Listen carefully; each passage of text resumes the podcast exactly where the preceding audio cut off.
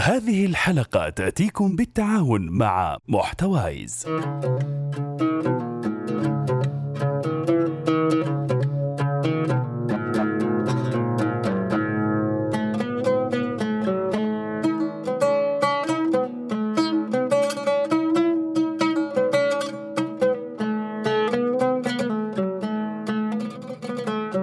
السلام عليكم ورحمة الله وبركاته. أهلا بكم مستمعينا في حلقة جديدة من حلقات ما وراء القانون بودكاست البودكاست اللي يهتم بكل ما يخص القانون.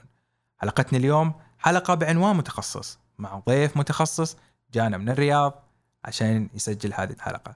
حلقتنا اليوم بعنوان الشركات والكيانات العائلية مع ضيفنا دكتور سعد عبد المحسن الرويشد المتخصص في الكيانات العائلية. ضيفنا حصل على البكالوريوس والماجستير والدكتوراه من خارج المملكة. ما راح أطول وأعرفكم على طول بضيفنا دكتور سعد أهلا وسهلا بك. حياك الله. معنا الله يبارك فيك عبد الرحمن. شرفتنا ونورت جده وجودك معك كل واحد بصراحة يتلكك يجي على جدة. ما شاء الله تبارك الله. أجواءها جدا رائعة. الله يعطيك العافية دكتور سعد. آه طب دكتور سعد يعني إيش علاقتك بالقانون؟ خلينا كذا نبدأ. سؤال عام جدا. في الحقيقة عبد الرحمن علاقتي بالقانون طبعا بحكم ان الوالد متخصص في القانون ومحامي فالعلاقة تمتد من الطفولة يعني ليست حديث عهد بها. آه يعني آه, آه، كنت في حتى في بدايتي في مرحلة الابتدائي كان كثير من الأساتذة يعني آه يجعلون من شخصيتي آه محاميا حتى في تصورهم في العلاقة الفصلية. وبعد ذلك يقترحون علي يعني كنا في مدارس فيها أشياء مسرحية وأد تأدية أدوار. كان دائما يختارون لي شخصية المحامي أو شخصية الشخص الذي يدافع عن الآخر. آه، بعد ذلك تطورت هذه الشخصية. آه، يعني في المتوسط كان عندي مثل الكورنر كذا قد يجون يستشيروني فيه زملائي في أي مشكلة حتى في مشاكل يعني مشاكلهم الأسرية. آه، أقعد وأقدم لهم بعض الاستشارات فيها وأحل الخلافات. وكان في عقلية صراحة أنا أشوف أنها متطورة من الصغر لأني كنت أقول طيب أنا الآن في مجتمع فيه أصدقائي اللي يحبوني وأصدقائي اللي أشوفهم يعني أذكياء وعندهم مشاريع مستقبلية أنا شلون أضمن هؤلاء الزملاء إنهم يبقون معي في هذا المشروع أو يبقون معي في مسألة القانون؟ كيف أستفيد منها؟ ففي الحقيقة بدأت إني أوقعهم على أوراق وعقود تلزمهم إني أكون أنا محاميهم في المستقبل إني أتعهد أنا لو كنت تاجرا مستقبلا وحصل لي كذا أن يكون يعني سعد هو المحامي الخاص والمحامي الوحيد اللي يقوم باعمالي وعندي أوراق فيها سبع ثمان عملاء. في منهم من صدق وفي منهم في الحقيقة إلى الآن ما جاني. ما نقول كذب يعني ننتظر منه إن شاء الله. ومن هذا المنبر أدعوهم إنهم يجون ويلتزمون ولا بنرفع فيهم إن شاء الله دعوة على أساس إنهم يأتون. بعد ذلك عبد الرحمن بديت بديت أدخل طال عمرك يعني دخلت على الثانوي وفعلا بديت يعني أدخل في العلاقة بين الأساتذة والطلبة وأعمل عمليات مصالحات وأدخل بشفاعات إلى أني خلصت المرحله الثانوية. وفي الحقيقة في المرحلة الثانوية فاجئونا كنت في مدارس الملك فيصل فاجئونا أنهم حولوا المد... حولوا المدرسة التقليدية اللي هي المواد الطبيعية إلى امريكان دبلومه كذا رجعنا من فصل دراسي فجأة قالوا امريكان دبلومه يا تدخل يا إنك تنتقل إلى مدرسة أخرى. وكان يعني فراق أنا كان بودي صراحة إني ما أدخل في ال American Diploma لأني أعرف أنا وجهتي أنا رايح لأكون يعني محاميا. وال American Diploma لا تخدمني كثيرا خاصة أن البكالوريوس القانوني هو بكالوريوس أدبي في الحقيقة وأنت تبي يعني لغتك تكون قوية وأنك تدخل في التخصص الدقيق الأدبي. لا شك أن دراسة البيولوجي ولا ال math ولا غيره من المواد هذه لن تخدم كثيرا في في هذه المسألة. ومع ذلك يعني آه، ارتأيت أني أكمل في في الأمريكان دبلومه والحمد لله مشت أموري إلى أن تخرجت. طبعا أنا أعرف أن نية الوالد الله يحفظه كانت في الطب يعني مرة كان معزم عليها إلا أني في حياتي يعني شفت يعني آه، يمكن نظرة مختلفة من زاوية أخرى شفت مدى تقدير الأشخاص واحترامهم للوالد جزء منا علمي وجزء منا لهذه المهنة الشريفة. يعني كنت أرى أن هذه المهنة الشريفة كان لها دور كبير آه، يعني آه، آه، اجتماعيا ولها شرف اجتماعيا كبير. لذلك كنت يعني مقرر قرار نهائي إن لا أن هذا هذا هو تخصصي وخاصة مع الضغط الاجتماعي إنك لا تصلح إلا لها ودخلت عمرك في ذلك المرحلة في عمليات ال- الإلقاء وما الإلقاء وحصت على جائزة المركز الأول في الإلقاء الارتجالي. فهذه عززت هذه المسألة. جاء بعد ذلك الخط المفصلي آه، اللي هو مفترق الطرق لأي شاب آه، في هذه الحياة اللي هو التخصص الدقيق. فالدخول أنا كان المساله أمامي محسومة من ال- من نقول الخامس ابتدائي أنني آه، محاميا. ولكن الوالد كان يرتئي حفظه الله ورعاه أنها أني أدخل في الطب كإخوتي. إنهم دخلوا تخصص الطب ولا شك إن تخصص الطب له رونقه الاجتماعي ولها يعني آه، العمل الإنساني الكبير. وأثبت هذا في واقعنا الحالي مع هذا اللي نعيشه من آه، من أزمة صحية عالمية ووبائية. أثبت يعني إن هذه من أشرف المهن وأرقاها. الا أني كنت أرى أني هذا توجهي. بعد ذلك آه، فدخلت للوالد قلت له والله إني أرغب بهذا التخصص وأنت ترغب في الطب فلعلك تجيزني إني أدخل تخصص القانون. آه، فارتأى الوالد قال ما دامك مصر على هذا التخصص فأنا أقترح عليك أن تدخل كلية الشريعة.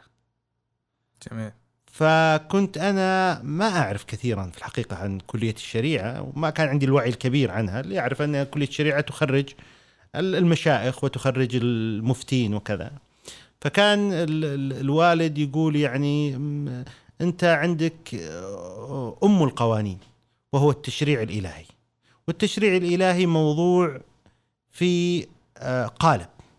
هذا القالب الذي وضع فيه هذا التشريع الإلهي هو يسمى الآن قوانين. إذا كانت موافقة لشرع الله عز وجل. فأنت لازم تعرف تاخذ القالب الصحيح اللي هو قالب التشريع وتضع بعد ذلك الأنظمة آه، كشيء داخل فيه ممكن كمحتوى. ولكن التأصيل ينبغي آه، يرى كان يرى حفظه الله أنه ينبغي أن يكون تاصيلا شرعيا بحيث إن لما تعرض عليك مستقبلا مسألة قانونية تعرضها ابتداء إلى الشريعة الإسلامية. فترى إذا كانت هذه صحيحة أم لا. بعدين تقرر فيها مجالك سواء. لأن في في القوانين ترى في كثير من القوانين هي صماء. هي تقول لك مثلا هذا ممنوع. طب هل هذا ممنوع لأنه محرم؟ أم هذا ممنوع لأن الأصلح للناس؟ جميل. هذا التأصيل ال- الفقهي وإرجاعه إلى الأصل الشرعي آه، يعني كان هذه فكرة الوالد ونسجه أنك تدخل في هذه الكلية. فارتئيت أنا قلت ما دام هالعملية كذا بحثت عن جامعات التي تدرس الشريعة. والقانون. آه، مع بعضهم. لأني ما زلت مصر على القانون فقلنا لو وفاق إن تكون كلية شريعة وقانون. ما وجدت مع الأسف في ذلك الوقت. أغلب الجامعات حولت إنها فصلت الشريعة لوحدها والقانون لوحده. لقيت جامعة الكويت عندها تخصص دقيق اسمه تخصص أصول الفقه. واو. ولما بحثت في موقع آه، هيئة المحامين آه، الكويتية وجدت أنهم يقولون نحن لا نقبل وهذه العبارة اللي ودتني لهم نحن لا نقبل أي شخص يتخرج من كلية الشريعة في جامعة الكوي- الكويت إلا إذا كان متخصصا تخصص في أصول الفقه. جميل. ف- وهذه هي هو التخصص الوحيد الذي يجعلهم يدخلون إلى وكالة النيابة أو يصبحون بعد ذلك قضاة أو يدخلون إلى المحاماة. فقلت بس هذا اللي أنا يعني فيه وفاق. فعلا رحت ودرست في الجامعة وكانت يعني ف- فترة أربع سنوات فيها خلوة كبيرة. آه، الأربع سنوات ما أعرف أحد طبعا في الكويت ولا ولا ولا لي أي رابطة أسرية أو اجتماعيه في الكويت فجلست أربع سنوات يعني في الحقيقة آه، يعني آه، بين الكتب ويعني وعلاقاتي مع الأشخاص هي علاقات مبناها التعلم فانعزلت يعني كانت عزلة طيبة آه، يعني آه، أثرت كثيرا على مسيرتي التعليمية. آه، انتهيت من الكويت رحت إلى آه، تخرجت من من البكالوريوس بتسوي؟ أعمل ولا ماجستير؟ قلت لعلي أخذ الماجستير أخاف إني أركن إلى العمل. طلعت على لوس أنجلوس وقدمت على الجامعة في لوس أنجلوس على برنامج ال ال اللي هو الأمريكي. طبعا أنا ما كنت أفهم ولا كنت أعي مدى آه، يعني آه، الاختيار. لماذا أختار هذه الجامعة؟ ولماذا أختار برنامج ال ال مش حقيقة البرنامج ال ال فذهبت ودرست. تجربة هذه السنة اللي هي أساسا تسع شهور في في ال- في الدراسة أه، قبل لا أروح كنت أنتظر منها الكثير لكن مع الأسف ما وجدت الكثير الذي كنت أرغبه. مهم. أه، ممكن أحدها قصر المدة. ال- المسألة الثانية المجتمع. يعني أنا كنت مخطئ عندما ذهبت في الحقيقة يعني تجربة عندما أقيم نفسي بعد هذا. تجربة أني أذهب وأدرس الماجستير في لوس أنجلوس كانت غير دقيقة في الحقيقة لأنها لم توصلني للشيء اللي كنت أرغب فيه. يعني أنا مستواي في البكالوريوس كان أكبر بكثير من مستواي في الماجستير ك- كرضاء نفسي عن عن عن ذاتي. ممكن مع الانشغال مع المجتمع هناك لأنك هناك أنت كأنك في كنت في لوس أنجلوس كأنك أخذت ملحق الرياض ولا جدة حطيته في البيفرلي هيلز. هذا اللي حصل. يعني ما كان في تغير كبير. قعدنا على هذا الحال ورجعت. لما رجعت يعني قعدت أمام نفسي مسكت الورقة والقلم قلت لا أنا اللي أبدعت في طريقتي اللي كنت أسويها في البكالوريوس والتخصص والبحر في الكتب ولا إني أبدعت في ال English وال- والدخول في ال- في التبحر في النظام ال common law فوجدت نفسي آه لا أنا في أنا أنا هذه التجربة ما كانت تليق بي ما كانت ما استفدت منها بالشكل المطلوب. وهذه رسالة للأشخاص اللي يبغون يذهبون إلى الماجستير في أمريكا. أول شيء يجب أن تستوعب أن برنامج ال LLM غالبا أنك ستصادف فيه طلبة international يعني ليس هذه الجامعة ما يرتضون به لأهل بلدهم. ليس المستوى اللي قاعد يعطونك إياه هو نفس المستوى الذين يكون للطلبة اللي في في البكالوريوس.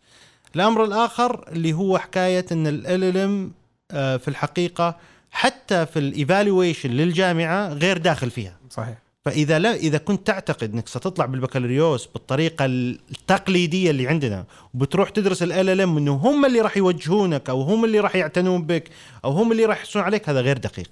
يجب أن تذهب بنفسية إنك أنت اللي تبغى تتعلم وأنت اللي تبغى تطلع المعلومة وأنت اللي بتحارب عشان أنا مع الأسف كانت تجربتي إني كنت أنتظر أن أتلقى مع الأسف الشديد وما استفدت يعني. كانت ما كانت تجربة باللي ترضيني الكثير وباعتبار إنك دخلت حتى في موضوع الألم يعني دائما ما كنت أنصح الناس اللي تقول ابى أطلع أخذ ماجستير إنه ابحث عن جامعة تدرس تخصص ال LLM مع طلبة ال JD بحيث إنك آه، تدمج التجربة معاهم ويكون تكون علاقات آه، قانونية كثير. وهذا سبب من أسباب قوة الجامعات. يعني برامج ال LLM اللي تكون مخصصة فقط لل international students غالبا تكون موجهة بطريقة معينة. آه، غالبا تكون آه، يعني ال evaluation زي ما ذكرت أو التقييم يكون أقل من تقييم الطلاب الأمريكان. لكن في سؤال مهم آه، ليش اخترت جامعة إنديانا؟ وليش تخصص الشركات العائلية؟ آه لما رجعت من ال- من الماجستير آه كان آه في في مسألة بعد هذا إذا قبل هذا عشان ما نظلم المسألة. مسألة ال LLM. مسألة ال إذا رحت بتخصص دقيق ال LLM في ال taxation. ستجد إن الطلبة الأمريكان موجودين في ال class وكذا. أما تقول تجاري انترناشونال هذه أنا دخلت فيها انت ما تجد تجد أغلبها مثل الطلبة اللي هو خارج الحيز الأمريكي. فإذا كان متخصص لا شك إنك ستواجه الطلبة الأمريكان. في مسألتك يا أستاذ عبد الرحمن اللي تقول ليش إنديانا؟ رجعت بعد الماجستير. إلى الرياض وعملت في الرياض لمدة سنتين. بعدها وجدت إشكال كبير وهو أني أجد هناك آه، يعني نزول في الشركات أو تفليسات في الشركات أو آه، عدم انضباط في الشركات العائلية. والناس نفسهم الأشخاص اللي داخلها يعرفون المشكلة ويعلمون حلها ولكنهم في المقابل هم علاج مشكلتهم ليس بالبساطة التي كنت أنا أتخيلها. يعني أنا أفتكر لما يكون في في مشكلة أنت تجدها تجتمع مع مع الشركة العائلية وتقول لها مثلا عندكم هذه المشكلة نبغى نعالجها. انت ترى أنها مشكلة وتبغى تعالجها لكن اللي التفسير اللي أمامك أمام الشركة العائلية لهم اعتبارات كثيرة أنا ما كنت أستوعبها في ذلك الوقت. فكنت أتعجب لم- لماذا هذا الاعتبار يعني؟ لماذا لماذا عندهم تقييمات مختلفة عن بقية الأسواق بقية الشركات إذا لهم اعتبار مختلف. فهذا اللي دعاني إني أقول لا والله في إشكال الأمر الآخر كان عندنا نشتغل في قضايا المواريث. وكنت كان عندي كونسيرن كبير إن لما تيجي كانت تحصل قدامي لما تيجي مثلا أرض من الأراضي عند هذه الشركة العائلية يبغوا يبيعوها أجي أقول لهم مثلا أخوكم فلان أو ابن عمكم فلان بياخذ هذه الأرض بقيمة 65 مليون. طيب وهذا التقييم حقها وجبنا ثلاث تقايم وهذا أعلى تقييم حتى هو ما يقول بأخذ المتوسط بأخذ أعلى تقييم اللي هو 65 مليون. فتتعجب إنهم يرفضون ويقول لك لا والله أنا ما نقبل. أنا لا أفهم لماذا ما قبلوا يقول يمكن في أسباب. بعد ذلك لما تمشي الدنيا مشت ست شهور سبع شهور جاء أحد عرض شراء هذه الأرض. خلاص ما وافقوا والصفقة لم تتم. جاء عرض كم تعرض يا أخي؟ أعرض 68 آه، 58 مليون. مهم. يعني من 65 نزلوا ل 58 أروح أرد عليه وش أقول أنا بطبيعة الحال؟ لا انما القيمة إحنا بعيدين لأنه هم كانت بتعرض ب 65 ولم تباع. لا معليش أعرضها عليهم. أوكي بعرضها عليهم. أجي أعرضها عليهم إنه جاء عرض بقيمة 58 مليون. okay يلا نبيع يلا نبيع. إحنا محتاجين كاش إحنا محتاجين كاش ما الذي جعلك في البداية ترفض ال 65 والآن قبلت؟ وما في فارق زمني يقول إن عندك ولا أنتم أصلا داخلين في business خاص فيكم يجعلكم إنكم لا فجأة محتاجين نقد سريع. فهنا عرفت إن في أسباب خفية وفي عوامل خفية تحرك آه، عملية العائلة أو توازنات العائلة. من هذا من هذه النقطة فهمت أن التحديات مختلفة وأن الأمور ليست على ظاهرها. جميل. هنا قررت إنه أبغى أدرس مسألة المواريث العائلة الشركات العائلية الأوقاف الكيانات العائلية الوصايا هنا دخلت في الاعتبار حقي وقلت أبغى أشوف أفضل ممارسات غربية في موضوع الكيانات العائلية وفي موضوع الشركات العائلية وفي موضوع المواريث. قدمت proposal عن الشركات العائلية وقلت ال concerns حقتي اللي مرت علي في ال cases جاني ولله الحمد قبول في أربع جامعات وكان في أحد الزملاء اللي كان معي في UCLA في لوس أنجلوس آه، كان يدرس الدكتوراه كان درس الماجستير في ال UCLA ويدرس الدكتوراه هناك سبقني بسنة فقلت له كيف الجامعة؟ قال لي ممتازة وكذا وكذا إلى آخره والدكتور حقك نفس الدكتور حقي نفس مشرفي. لأنه هو برضه شركات وإنه كويس وكذا فتوكلت على الله وعزمت الرحيل إلى إنديانا بلومنغتون مهم. في 2018 جميل جدا ومبارك لك التخرج. الله يبارك فيك. آه وإن شاء الله رسالتك آه بتنشر قريبا. إن شاء الله بإذن إن الله شاء الله أتشرف. يكون آه لنا دور. لا شك. أنت أنت عمرك لك دور من الآن. الله الله يبارك رب. فيك ويسلمك طيب دكتور سعد خلينا ندخل الآن بعد المقدمة الرائعة جدا ومسيرتك المهنية أو خلينا مسيرتك الدراسية نقول. آه خلينا نبدأ في موضوع الشركات أو الكيانات العائلية. وطبعا آه، هذه الحلقة بنحاول نحط الأسس آه للموضوع بحيث أنها تكون مرجع آه لجميع المختصين. مستقبلا آه أو الراغبين في فهم موضوع الشركات العائليه فأول سؤال بيكون إيش هي الشركة العائليه؟ في الحقيقة يا شيخ عبد الرحمن مسألة آه، الشركات العائلية ما فيها أحد الصعوبات اللي تواجهك في دراستها إن ما فيها تعريف واحد. يعني كل واحد يدفع كل واحد من المتخصصين حسب كونه يساري أو يميني بمعنى هل هو اقتصاديا آه، منفتح أو منغلق يوسع هذه المسألة. مثلا اليساري ال ال ال ال الاقتصادي يرى إنه لا إن الشركة في شركات عائلية وإن هذه الشركات العائلية يجب أن تحوكم وتحوكم بدقة وإلى آخره.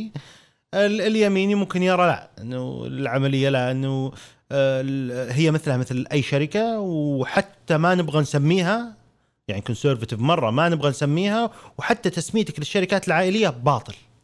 ما في شيء اسمه شركات عائلية ما دام ما لها شكل قانوني خلاص ما هي بشكل على كل حال التعريفات كثيرة ما يوجد تعريف one size fits all هذا لا يتم في الشركات العائلية ولكن كله اتفق على شيء واحد. إذا الشركة العائلية يسيطر عليها عائلة سواء في الإدارة أو الملك اللي هو. الشير فهي شركة عائلية وتواجه نفس التحديات اللي تواجهها أي شركة عائلية. جميل. طب إيش هي أشكال الشركات العائلية؟ هل تضامن مساهمة ولا ممكن تكون أي شكل؟ في الحقيقة الشركات العائلية ممكن تكون أي شكل من أنواع الشركات ولكنها غالبا ما تكون هي شركة ذات مسؤولية محدودة. وكالسوق السعودي ترى أغلب السوق السعودي هو شركة ذات مسؤولية محدودة. مهم. بعض الشركات اللي الظروف دعتها أنها تكون مساهمة مغلقة أو أنهم حبوا أنهم يطورون أنفسهم أو أنهم يضبطون العلاقة فيها أنهم يخلونها شركة مساهمة. مغلقة وبعضها شركة آه، في المساهمة المفتوحة وهي لها اعتبار عائلي بحكم أن العائلة تسيطر على آه، مجلس الإدارة أو أغلب ال- آه، الحصص آه، سوري الأسهم. جميل. طب آه كثير من اللي يعني ال- ألاحظ كثير من الشركات العائلية خصوصا يعني بمنطقة الحجاز ممكن أغلبها شركات عائلية أكثر آه، يواجهوا تحديات كبيره ومشاكلهم يعني كثيرة جدا.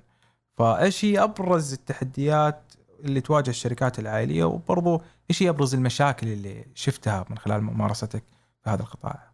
آه، الجواب على سؤالك عبد الرحمن آه، من قولك أبرز التحديات أن من اسمها؟ عائلية. يعني أنت في الحقيقة قاعد تدير أعمال الشركة عبر طاولة الطعام. آه، العملية جدا معقدة لما ينساق حياتك تكون حياتك في العمل في داخل العمل من الصبح للعصر في الشغل. بعد المغرب يجتمعون الأبناء ويتحدثون عن نفس المشاريع. العيشة تحصل مشاكل تتدخل الوالدة. فيصير كل عملك في الحقيقة تعقيد أسري وعملي. يعني أنت ما عندك ال switch يصعب في الشركات العائلية ال switch. ال- أي مشكلة تحصل في العائلة تنساق على العمل؟ يعني لما الشخص يعني يصير له مشكلة في داخل عائلته بين أعضاء العائلة اخ وأخوه مثلا هذا سيؤثر على العمل بطبيعة الحال. وأي شيء في العمل سيؤثر يؤثر. على العائلة والعلاقات الأسرية. أكبر التحديات هذه وبعدين نأتي على طال عمرك مسألة التحديات الأخرى التي تدخل في آه، ال next generation اللي هي الاستمرارية. فشلون أنا كأب بختار من يأتي بعدي؟ يعني مين الرجل المناسب من أبنائي مثلا إنه يكون بعدي في إدارة الشركة؟ هل أنا بتقاعد ولا بنتظر لين أموت وبعدين هو يأتي بعدي؟ هل أنا سأعالج هذه المسألة وأعمل ترتيباتي أو إني سأضعها على القدر وعلى المواريث؟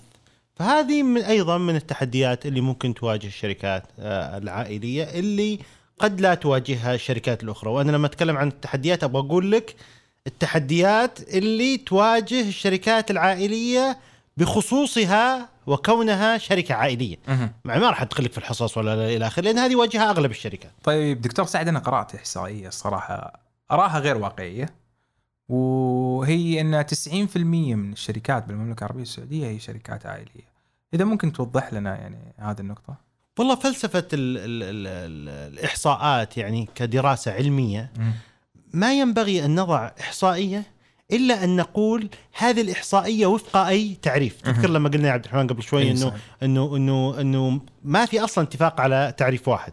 فإذا قلنا كل شركة عائلية كل كل شركة فردية هي شركة عائلية. مشكلة يقول هذا فرد. شلون شركة ذات مسؤولية محدودة؟ شخص واحد تكون عائلية. وما فيها حصص الأبناء ولا فيها حصص.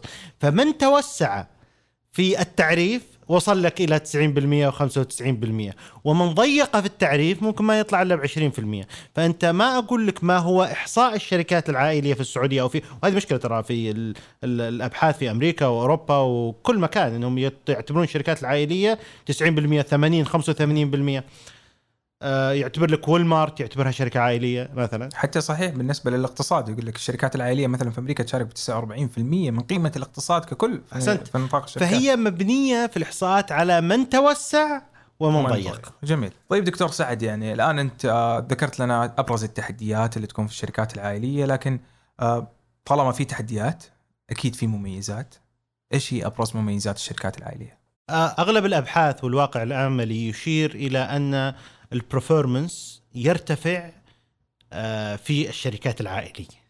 بحكم أن بطبيعة الحال الولاء يكون أعلى الجو يكون أكثر فيه آه، أسرية وتقدير فلذلك تجد الشخص اللي يعمل يقول لا أنا أعتبر نفسي وفقا أو أنتمي لهذه العائلة. فالولاء يكون أعلى آه، جلوس الموظفين يكون بطبيعة الحال آه، أطول في اعتبارات نفسية تجعل الأداء يعلى الإصرار على العمل ال- ال- ال- مسألة إن.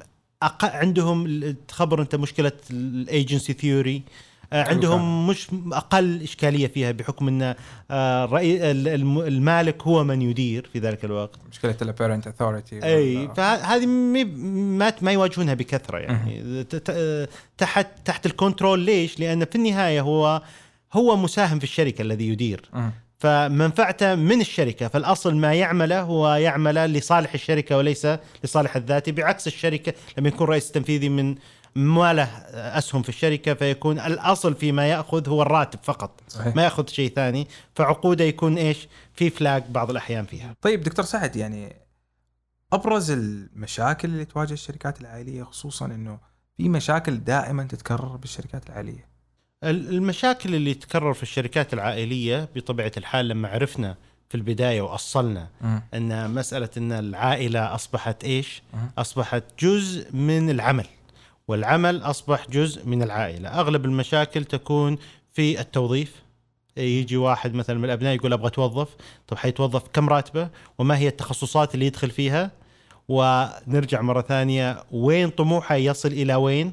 طب أنت أبنائك وظفتهم أنا ليش أبنائي ما توظفهم؟ فهذه أيضا من المشاكل اللي تحدث كثيرا، المشاكل الأخرى التي تحدث أيضا اللي هي مسألة آه، يعني آه، آه، مسألة الفساد المالي والإداري لأن ما في ما يقيدهم وال- والشخص يكون عنده الباور مطلق غالبا فيجعل يدخل في عمليات فساد مالي وإداري هو يعتبره بقيمه العادية إن هذا ليس فساد.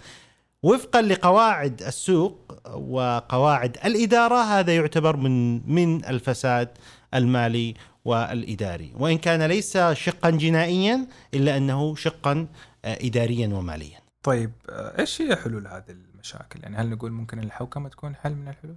والله نعم. آه، في الحقيقة آه، لو تبغى نفصلها أنا راح أفصلها إلى ثلاث أجزاء الحلول. حلو جميل. الحل الأول اللي أراه اللي هو حل الحوكمة بطبيعة الحال. والحوكمة بس ودي إني أعطي مقدمة بسيطة فيها. لما نتكلم عن الشركات إن نتكلم عن ثلاث أطراف. نتكلم عن مساهمين ونتكلم عن إدارة سواء إدارة آه، مجلس إدارة أو إدارة تنفيذية ونتكلم عن أصحاب المصالح. أصحاب المصالح قاعد نتكلم عن موظفين نتكلم عن الدولة مثلا في رعايتها للبيئة نتكلم عن ال- الموردين نتكلم عن العملاء نتكلم عن البنوك اللي أعطوا ديون أو قروض لهذه الشركة. فأنت لما تجي في الحوكمة أنت قاعد تضبط العلاقة بين هؤلاء الثلاثة. أه، ضبطك لهذه العلاقة إذا استطعت أن تجعل هذه العلاقة سموث وتمشي بهذه العلاقة إلى بر الأمان أنت طبقت معايير الحوكمة ووصلت للناتج الأخير من الحوكمة. إذا ما استطعت أنك تخلي هذه الدائرة تدور بأريحية مهما أنزلت في هذه الشركات من قواعد ومبادئ الحوكمة أنت فشلت. القوة في أنك تضبط العلاقة بين هؤلاء الثلاثة أصحاب المصالح وتجعل بينهم يعني شفافية ووضوح بحيث إنك تخرجهم إلى بر الأمان وما تجعل النزاع حتمي بينهم كناس أحيانا تكون مصالحهم متعارضة. طيب نأتي إلى مسألة ال- ال- القواعد والمبادئ. أهم قواعد ومبادئ الحوكمة هي الإفصاح، الشفافية، المسؤولية، المحاسبة. جميل هذول الأربعة إذا قدرت إنك تتصورهم وتتعمق فيهم. تستطيع أن تضع آه، حل أو حلول دقيقة داخل الشركات العائلية بحيث إنك تبعد عن أي كونفليكت ممكن يحدث أو مشكلة ممكن تحدث في الشركة العائلية. عندك هنا نظرة دقيقة على مسألة حوكمة الشركات العائلية. يجي يتبادر إلى الذهن طيب وش تفرق عن الحوكمة العادية؟ لا تفرق كثير. الحوكمة العادية لما تيجي شركة عائلية وتروح لشخص آه، متخصص في الحوكمة فقط مهم. وتقول له أبغى تطبق لي معايير الحوكمة داخل شركتي. مهم. لا أعتقد إذا طبقوا هذه الحوكمة أسبوع أسبوعين وراح يقولوا معليش إحنا ما نقدر نستمر بهذا الشيء وراح يمتنعوا عن قبول فكرة الحوكمة بعد ذلك وسيقولون أي شيء يتعلق الحوكمة هذا ما يصلح لنا. دن ليش؟ لأن أول شيء البرفورمنس والأداء بينزل نزول كبير داخل الشركة. كل عقودهم بيصير فيها إشكالية توظيف أبنائهم بيصير فيها إشكالية. فهو يتعارض كثير من معايير الحوكمة تتعارض تعارض مباشر مع فكرة الشركة العائلية. يعني أفهم منك دكتور سعد انه الآن المفروض الشركات العائلية يكون لها معايير حوكمة خاصة؟ أحسنت. هي مو معايير حوكمة خاصة ولكن لازم تسوي وهذا اللي كان تخصص دقيق في البحث لازم أسوي re-evaluation. لل rule قبل إن أسوي له apply للشركة العائلية. يا سلام. قبل إنزاله إلى الشركة العائلية خليني أسوي له evaluation لما أسوي لك مثلا وشو آه فصل الملكية على الإدارة. بعضهم يسمعون بفصل الملكية على الإدارة. يجي يبغى يطبقها على شركه وقف وقف وقف المالك هو من يدير. وش اللي فصل الملكية؟ إذا فصلت الفصل الحقيقي اللي أنت تتكلم عنه. اللي هو ال ال ال يعني الدخول العميق هذا أنت أول شيء ألغيت عن فدها فكرة العائلة. اثنين الأداء بينضرب ثلاثة ما راح يكون عنده حماسة إنه يستمر بهذه الطريقة. فيجب قبل آه، إعطاء نصيحة واستشارة إلى الشركة العائلية as lawyer ولا مستشار ولا إلى آخره يجب أن تفهم طبيعة العائلة. كيف تفكر العائلة؟ ما هي مبادئها الأساسية في العائلة؟ ترى ترى المال مو فقط كاش أو نقد في البنك هو قيمة. قيمة اجتماعية قيمة إذا يعني يعطيهم شيء يعني على قولتكم عاد عاد بستخدم كلمتكم في البرنامج بيوند المال. يعني العملية ما هي فقط آه، أموال فلذلك دائما ينبغي إنك تسوي مراجعة للقاعدة قاعدة الحوكمة قبل أن تنزلها إلى آه، الشركة العائلية باعتبار آه، خصوصيتها. أهم عاملين يجعلون تطبيق الحوكمة صعب في الشركة العائلية هي الكلفة الكلفه مره عالية مسألة الحوكمة. أعطيك مثال. آه كثير آه يعني دائما تنصح الشركات العائلية بالتقنية. تقول لا دائما حاول إنك تسوي مثلا بدال الكاش. خلها بالأجهزة بدال كذا. فهذه كلفه شراء الأجهزة وإلى آخره. فهي يسأل دائما حق الشركات العائلية يقول لي okay أنا بطبق الحوكمة آه، وش المقابل اللي بيدخل علي ماليا؟ في النهاية أنا أبغى أكسب مادة أيضا. وش المقابل اللي بيدخل علي ماديا؟ صحيح. يعني في كثير مقالات تكتب حتى في الغ- في الغرب إن أكثر من استفاد من الحوكمة هم المحامين لأنه يجي ويأخذ بالساعة وما أشوف لي انتفاع أنا يدخل علي في الحقيقة. وهذا طبعا كلام غير دقيق. صحيح انه في كلفة لكن تحفظ المال من الفساد. وحفظك من الفساد يعني يعني المعدل الطبيعي للفساد من 3 إلى 5% في أي شركة. فهذا تقلل لك ال 1% ال 1.5% أنت استفدت أكثر بكثير من الكلفة التي تقع على الحوكمة. الأمر الثاني اللي هي ال- الصعوبة الثانية اللي هي ضريبة التقييد. مهم. هل أنت كشركة عائلية مستعد أنك تقيد؟ مثلا تجي تبغى توظف أحد تجي تبغى تزيد راتب أحد تجي تبغى تعمل أي إجراء في داخل الشركة تقول لا راح أحترم معايير الحوكمة لجيلي والجيل اللي بعدي لأني أنا كمؤسس إذا ما احترمته ما راح يحترمونه أبنائي بعد ذلك. فأنت تدفع هذا اللي يسمونه ال golden handcuffs. إنه صحيح إنها هي تقييد ولكنها تقييد ذهبي. جميل. هذا فيما يخص الحوكمة. الطريقة الثانية الحل الثاني اللي هو الشكل القانوني للشركة. أنت تشوف شركة ذات مسؤولية محدودة ممكن نشوف إن تحويلها إلى شركة مساهمة آه سيكون أفضل. ما هو لانك اسم مساهمة. بعض الناس يبغى يطلع مساهم عشان يصير اسم مساهم لا مهي بالحكاية كذا. الحكاية الحكاية فكرة الحصص وفكرة الأسهم. جميل. أنت لما تكون مؤسس في شركة عائلية وتتوفى أو تبغى تعطي حصص نقل الحصة جدا صعب ثقيل ثقيل جدا. يعني أي واحد دارس القانون أو اقتصادي يعرف كيف ثقل نقل الحصة وثقل تقييمها. مهم. فيكون في إشكال إنه أبغى عشان أحل المسألة هذه لازم أسوي liquidation حل ال liquidation في الشركات المساهمة ما في لأن التقييم عبر السهم. كل سهم له نفس القيمة فيكون أسهل في مساله في مسألة ال- آه، التوزيع آه، هذه أهم فائدة من فائدة التحويل في الشكل القانوني ان تاخذ شكل الأسهم الذي يساعد في عملية انتقال الثروة أو قسمتها أو بيعها والى آخره. هل هذا هو حل نهائي؟ لا مو حل نهائي لأن أكبر مشكلة عميقة في في مسألة اللي هي التخارج هي مسألة التقييم في الحقيقة. فأنت في أنت تقول بحولها إلى شركة مساهمة مغلقة وراح يكون الأمر جدا سموث لما يتوفى الأب إن أنا سهم أقدر ابيعه لا مو صحيح. تقييمه جدا صعب والوصول للقيمة العادلة بالطريقة الورثة اللي هو أنا ما راح أتدخل في الإدارة ولا راح أتدخل في شيء ولا راح أصبر أبغى أبيعها أبغى كاش عشان ببني لي مشروع شخصي لا. في النهاية أنت في الحقيقة ما سويت إلا حصة نقلتها إلى سهم فقط. حتوصل لنفس ال ال ال النتيجة. وبالتالي تسييل تسييل الحصص بطريقة غير آه، صحيحة فتوصل لهذه النهاية. المس- المسألة الثانية اللي هي مسألة ال information هل عندك أنت أنا مثلا سعد وعبد الرحمن عبد الرحمن يعمل في الشركة نح- نحن إخوة. أنت تعمل في الشركة وأنا ما أعمل في الشركة. أنت عندك access access على ال information أنا ما عندي access صحيح. فهذا سيجعل قيمتك في السهم تعرف متى تبيعه تعرف متى تخليه تعرف هو حقيقة ال- ال- القيمة حقته إيش. أنا ما أعرف. كل هذه المعلومات تجعلني أبيع سهمي أنا كرجل ماني في الشركة ابيعه بقيمة أقل بكثير مما أنت كنت تبيعه لخبرتك بالأسيتس حقت الشركة وقوتها وضعفها فهذا المشكلة ما زالت موجودة لا تحلها لا لا لا تحل عبر حركة بسيطة كذا أحولها من شركة ذات مسؤولية إلى شركة ذات مسؤولية محدودة إلى شركة مساهمة مغلقة. الحل الثالث اللي هو الدستور العائلي، طبعا الدستور العائلي ما هو؟ هي وثيقة. وثيقة بسيطة تكتب غالبا تكون اللي داخل فيها رؤية المؤسس. وأهدافه وقيم العائلة ومبادئها و ويتكلمون بعض الشيء عن الموظفين مين اللي يتوظف جوا الشركة من اللي ما يتوظف. مثلا الموظف لازم يكون حاصل على البكالوريوس لازم يكون عامل خمس سنوات خارج الشركة العائلية ويكون حاز أقل شيء على ترقيتين على أساس إنه يتعود في يعني هذا يتكلم عن الأهداف والقيم العامة.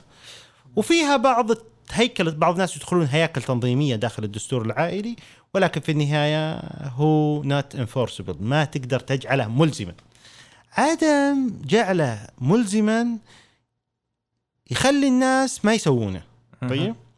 في المقابل في شيء في النص مو يعني لازم يكون ملزم ولا ماني بسويه في شيء في النص اللي هو مسألة ترى إحنا بشر يعني القيم الاجتماعية ورؤية المؤسس تفرق. فأنت كأنها هذه وصية تذكرهم دائما بمبادئهم وتذكرهم بالرؤية حقتنا ترى أنا اللي قاعد أقوله متوافق مع رؤية مثلا الوالد أو المؤسس أو هذه الشركة وما نجحت إلا بهذه الرؤية اللي إحنا ماشيين فيها وإحنا جزء منها حاليا. فوضع مثل هذه المبادئ في إقرار ضمني بينهم على رجحان عقل المؤسس فهذه تفرق صحيح غير ملزمة في هذا في بعض الطرق الأمريكية تقول لك نجعله ملزم عبر وضعه بعقد. نخليه عقد ونوقع عليه آه، أطراف العائلة. ولكن هذا في الشريعة لا يمكن وقوعه بحكم أنهم سيوقعون على شيء هم أصلا لا يملكونه حاليا. بالضبط. وهذا في الشريعة ممنوع كما تعلم كالطير في الهواء والسمك في الماء لا لا يمكن جعله. فهذه إشكالية آه، أخرى. هذه الحلول الثلاثة اللي آه، غالبا تكون للشركات العائلية. طيب دكتور سعد يعني الآن أعطيتنا أبرز الحلول لكثير من المشاكل الموجودة. إيش علاقة المواريث بالشركات العائلية.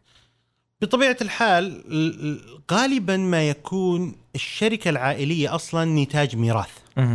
فيكون الأب آه، مؤسس لهذه الشركة وتكون شركة مثلا ذات شخص واحد أو شركة مع صديق للأب فيتوفى فيأتون ال- الأبناء بحصص أبيهم عبر توزيع الميراث فيكونون شركاء في الشركة بحصصهم.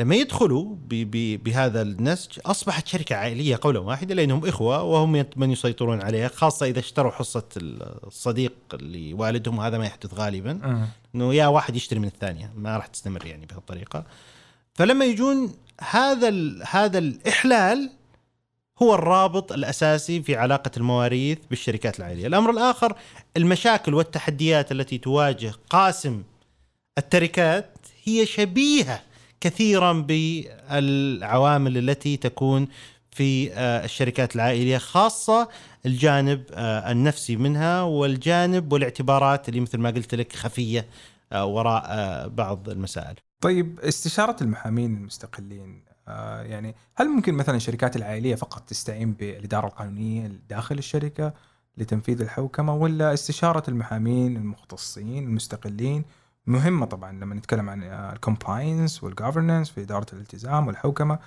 آه، إيش رأيك بهذا الموضوع دكتور سعد؟ والله في الحقيقة أنا عجبني مصطلحك. يعني أنا ما كنت أستخدمه لكن بستخدمه اللي هو المحامين المستقلين. حلو. على طريقة آه، أعضاء مجلس الإدارة المستقلين. فعلا يعني فعلا أنا أنا أنا أنا أنا أفهم هذا الاعتبار وأقدره في كثير من الشركات. يعني تقول أوكي أنا عندي إدارة قانونية لكنهم المشكلة في الإدارة القانونية إنهم يجلسون زمانا طويلا في الشركة فيصبح حتى الخطأ طبيعي ترى العين لما تتعود على شيء تصبح كأن هذا الأمر اللي يمر عليها طبيعي ما هو. بشيء يعني شاذ أو شيء غير طبيعي بعكس نظرة الشخص. اللي خارج المنظومة مهم. يدخل ويلاحظ فإدارة الالتزام عندما تكون third party. ولا هي يعني همها شيئا كبير على مسألة. صحيح إنه يدفع لها من الشركة ولكنها ليست آه، ذات اعتبارات مع الموظفين. إنه والله هذا خويي ب- يعني ناقد. عليه أو كذا كذا إلى آخره، لا تجي وتحط لك نقاط واحد اثنين ثلاثة بكل وضوح. لا عندها مشكلة مع هذا ولا ما عندها مشكلة هذا، هو بروجكت قدمه لهم تقول لهم لا والله عندكم مشكلة في النظام هذا، المشكلة في مالية في الإدارة هذه، مشكلة كذا. ويدخل طبعا مع المحاسبة، طبعا الحوكمة والمحاسبة متزاوجة. يعني آه، أنا لا يمكن أن أتحرك إلا آه، مع المحاسبين.